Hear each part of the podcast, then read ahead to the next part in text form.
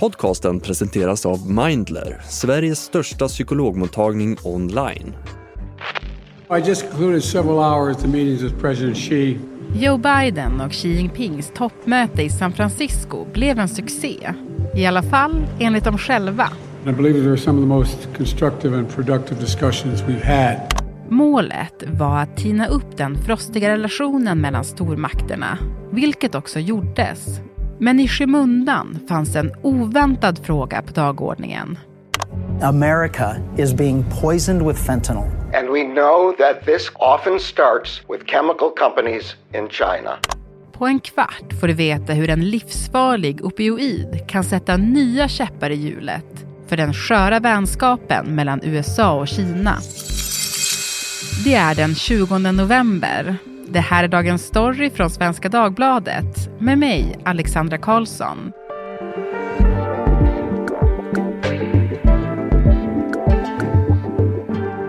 Gäst idag, Per Elinder Liljas, frilansjournalist som skriver för SvD. Du Per, för första gången på sex år har Kinas president besökt USA. Alltså hur stort är det? Det är väldigt stort skulle jag säga. Världen är ju drabbad av en mängd kriser just nu. Det är Israel, Ukraina, klimatet, ekonomin, matbrist. Och samtidigt så har den här relationen mellan de två supermakterna varit sämre än på väldigt, väldigt länge. Så tajmingen hade på ett sätt inte kunnat bli bättre. Ja, men, och liksom, det här mötet skedde ju då i samband med APEC som är ett ekonomiskt toppmöte. Och liksom inför det här mötet så städade amerikanerna upp ordentligt i San Francisco, som jag har förstått det. Blev den kinesiska delegationen imponerad? Ja, alltså inför mötet så handlade det mesta om hur San Franciscos hemlösa och missbrukare flyttades från gatorna. Och vissa kinesiska medier de beskrev det som en spökstad efter att alla tältläger sopats bort från innerstaden. Men det där var nog inte något som Xi och Biden egentligen behövde märka för de träffades utanför stan på en flärdfull herrgård eh, där faktiskt tv-serien Dynastin spelades in på 80-talet. Mm -hmm.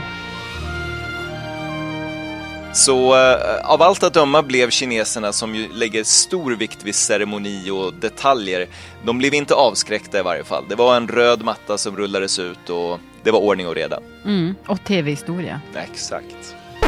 Ja, men du, en sak man kom överens om på det här mötet, det var ju att återuppta den militära kommunikationen mellan Kina och USA. Eh, vi kan höra Biden berätta om det. We're reassuming military to military contact. So we're back to direct, open, clear, direct communications. Ja, men nu är det som att jag frågar varje fråga så, hur stort är det här? Men Per, hur stort är det här? Men det är ganska stort för eh, eftersom länderna har haft så mycket friktion mellan varandra, det har varit mycket militära manövrer i Östasien inte minst och nya militärallianser som USA har slutit med länder där i regionen, så har det en stor betydelse att USA och Kina, de har nu förbindelser mellan sina militärer igen. Så om någon olycka händer, om någon incident händer som skulle kunna eskalera till något mycket värre, så kan de snabbt få kontakt och eh, potentiellt trappa ner den situationen. Mm. Lugnande besked i alla fall. Men du Per, det fanns också en liten oväntad punkt på dagordningen här och det handlar om den syntetiska drogen fentanyl. Berätta. Ja, det är någonting som faktiskt har diskuterat diplomatiskt ganska länge, för det här är något som spelar stor roll för USA. Det är alltså en drog som ligger bakom, kan man säga, USAs största tragedi det senaste årtiondet. Landet har ju tampats med en opioidkris sedan 90-talet. Men sedan kinesisk fentanyl började anlända för ungefär tio år sedan så har överdoserna i landet tredubblats. Så det här är ett problem som Washington verkligen är i skriande behov av att få hjälp att bli av med. Opioidkrisen har präglat USA långt innan fentanyl kom in i bilden. There's no question that our best, strongest pain medicines are the opioids. They should be used much more than they are for patients in pain. Efter aggressiv marknadsföring från läkemedelsindustrin börjar läkare under 90-talet skriva ut tunga smärtstillande opioider i en helt ny omfattning. Now I can enjoy every day that I live. I can really enjoy myself. Det handlar om starkt beroendeframkallande preparat och av de patienter som fastnar går många vidare till att missbruka illegala droger. It stopped working and it got increased. I think it was 40 in the morning and 40 in the evening. And then eventually that got increased. This went on for years. Och när fentanyl introduceras på den svarta marknaden blir det en dödsstöt. In the past year, there have been more than 107,000 overdose fatalities in this country. Fentanyl är en snabb och effektiv opioid, 50 gånger starkare än heroin. Den kan produceras i små laboratorium och skickas i mindre försändelser, vilket gör den lätt att smuggla. Och de senaste tio åren har fentanyl från Kina flödat in i USA och överdoserna har tredubblats. It's the leading cause of death for people 18 to 45 years old. Men hur har kinesiskt fentanyl kunnat få det här enorma fästet i USA? Ja, till en början så skickades fentanyl på posten, vanligtvis i paket på mindre än ett eh, kilo. Och det var en enorm profit i att göra så och relativt liten risk. Men efter många års diplomati, först av Obama och sen av Trump, så började faktiskt Kina kontrollera all export av fentanyl. De narkotikaklassade hela den här droggruppen 2019. Och då fick de här handlarna byta taktik och istället börja skeppa kemikalier som används för att tillverka fentanyl. Skeppa dem till Mexiko tillsammans ibland faktiskt med själva recepten på hur man gör fentanyl. Mm. Och därifrån så började knarkkartellerna i Mexiko tillverka fentanyl och sen smuggla in det till USA. Mm. Det låter också lite filmiskt. Verkligen. Vad har Kina gjort åt det? Ja, nej men sen det här avtalet kom på plats 2019 så har Kina varit väldigt tydliga med att det här är USAs eget problem. Kom inte och skyll på oss hela tiden. Och enda anledningen till att de har, har hjälpt till är för att de vill ha någonting tillbaks. För dem är det här ett spel och det är helt underordnat geostrategin, alltså vad de kan få för eh, inflytande eller andra fördelar strategiskt. Och de hade väntat sig att få något tillbaks. Så när de upplevde att de inte fick någonting så började de bli mindre och mindre vänligt inställda. När USA dessutom började skärpa sina sanktioner mot Kina, då bestämde de sig att nu ska de klippa allt samarbete kring exporten av kemikalier. Mm, så så klassisk tillbakakaka då? Ja, exakt. Men hur har USA sen dess hanterat den här fentanylkrisen som ändå har varit med Kina?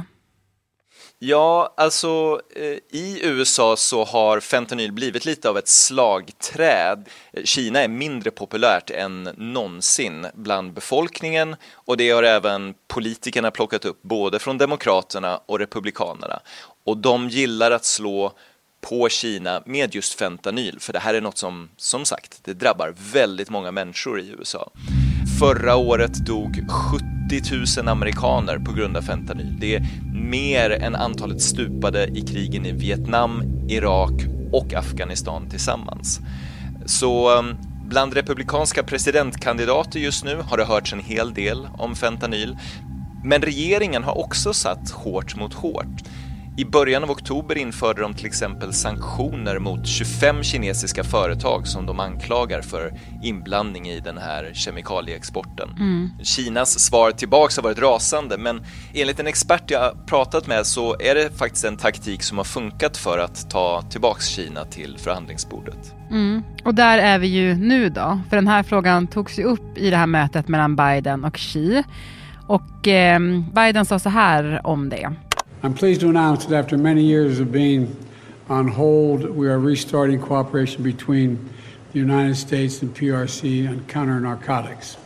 Kommer det här samarbetet få någon effekt, tror du? Det återstår att se. Kina har starka möjligheter att slå ner på export och smuggling och liknande Så de skulle kunna göra någonting åt det, men det har visat sig svårt för dem tidigare att riktigt få grepp om den här typen av problem. Men bara det att de har kommit fram till det här kan få en effekt i det att eh, Kina kommer potentiellt bli lite mer populärt i USA. Det visar att de vill jobba mot det här stora amerikanska problemet istället för att bara säga det här är USAs problem. Och dessutom så blir det ju lite svårare för presidentkandidaterna att eh, kritisera Kina för just det här. Men vad fick Kina i utbyte då? Det, det känns inte som att det, det fanns någonting de fick, eller? Absolut, det, det, det, kan vi nog räkna med att det var. Eh, det det har spekulerats i innan mötet mellan eh, Xi och Biden, det är att USA ska släppa sanktionerna på en speciell brottsbekämpningsinstitution som finns i Kina. Och den här institutionen jobbar då enligt USA med att övervaka och till och med förtrycka delar av den kinesiska befolkningen. Så det var därför de började sätta sanktioner mot den. Och sanktionerna handlar om att den här institutionen får inte ta del av eh, amerikansk teknologi. Kina har tryckt på för att nu ska USA släppa de här sanktionerna och kanske är det då det som har hänt. Med den potentiella risken att eh, det blir lättare för Kina att övervaka sin befolkning framöver. Mm. Ändå ett ganska högt pris. Absolut. Ja, men till sist då, alltså som vi var inne på där i början, så är ju relationen mellan USA och Kina, alltså den har ju varit riktigt usel de senaste åren. Men ser det ljusare ut nu efter det här mötet? Mötet var absolut en milstolpe. Sen så får man vara lite realistisk vad som faktiskt har kommit ut ur det och hur relationerna kommer ändras. Men det är en jättestor utmaning för USA och Kina att navigera till fredliga relationer framöver. Kina vill ha mer makt, de vill ha mer inflytande över framförallt Östasien och USA vägrar att låta det ske. De har jättestora intressen i den här delen av världen. De vill att eh, handeln ska vara fortsatt öppen, vill gärna stötta demokrati och eh, kunna ha eget inflytande. Men för att klara av att hålla fredliga relationer så måste de prata och ha eh, kommunikationskanalerna öppna och det markerar de genom det här mötet att de faktiskt vill. Så det, det är ett steg i rätt riktning. Men som jag nämnde där tidigare, det kan komma med ett pris också. Vill man få till verkliga avtal med Kina, då kommer det kosta också. Men eh, det är avsevärt bättre än att inte ha några kontakter alls.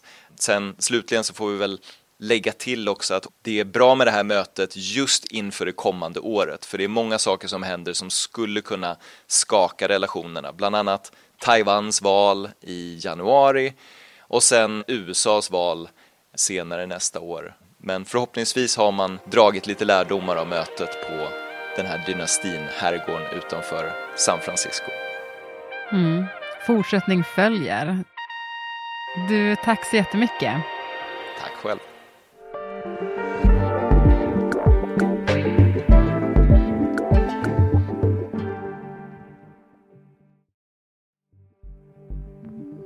Och producent idag var Stina Fischer, redaktör Maxine Persdotter Wallström och klippen i programmet kom från AP, PBS, CNN och Purdue Pharma.